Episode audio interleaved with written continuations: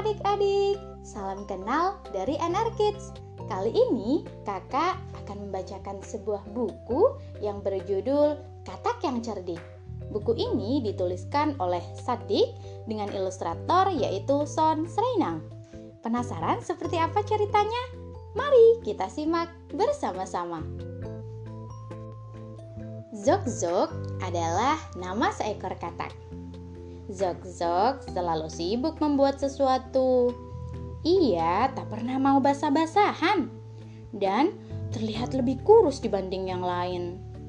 Kata-kata lain menertawakannya karena Zok-Zok ini berbeda. Suatu hari, Zok-Zok bekerja sangat keras. Untuk apa adik-adik? Nah, ternyata Zog-Zog ini sedang mengerjakan proyek barunya. Sehingga makan siangnya pun terlewatkan. Hmm, adik-adik, kalau terlewat jam makan, perutnya kriuk-kriuk nggak? Nah, sama seperti Zog-Zog ini. Perutnya mulai berbunyi kencang. Seperti apa ya adik-adik bunyinya? Kriuk, kriuk, kriuk, kriuk, kriuk. Nah, pasti seperti itu ya. Ia berlari pulang secepat mungkin. Karena cepatnya, ia tersandung dan jatuh. Ibu, ibu, aku lapar. Mana makan siangku? Tanya Zog-Zog sesampainya di rumah.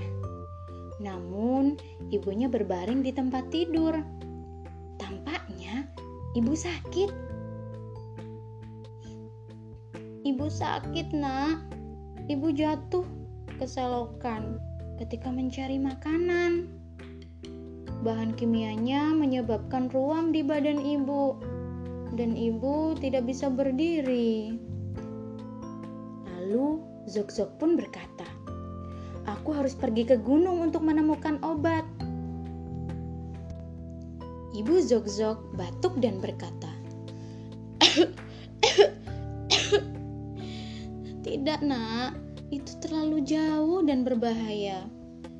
Lalu Zog-Zog pun berkata, Jangan khawatir, Ibu. Aku berani dan cerdik. Aku bisa melakukannya. Zog-Zog berangkat menuju gunung. Namun, tak lama kemudian ia tiba di sungai yang besar. Bagaimana ia bisa menyeberanginya? Nah, Tiba-tiba sebuah botol plastik mengapung melewatinya.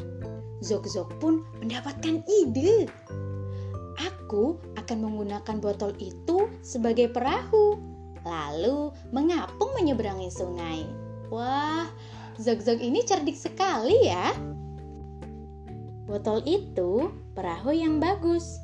Namun, sekelompok ikan segera mengerubungi Zok-Zok. Mau pergi ke mana katak? Tanya ikan terbesar. Tolong, jangan makan aku. Pinta Zok-Zok. Aku sedang mencari obat untuk ibuku yang sakit. Ikan itu akhirnya merasa iba kepada Zok-Zok dan mendorong perahunya ke arah yang benar. Tak lama kemudian, Zog-Zog melihat beberapa katak. Wah, perahu yang keren! Teriak salah satu dari mereka. Zog-Zog pun membalas. Terima kasih. Lalu Zog-Zog bertanya pada katak-katak itu.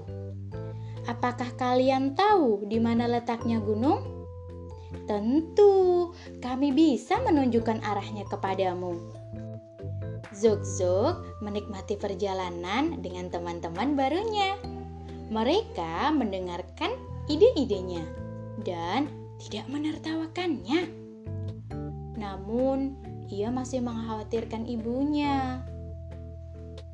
Gunung sudah tidak terlihat dan sudah waktunya para katak pulang.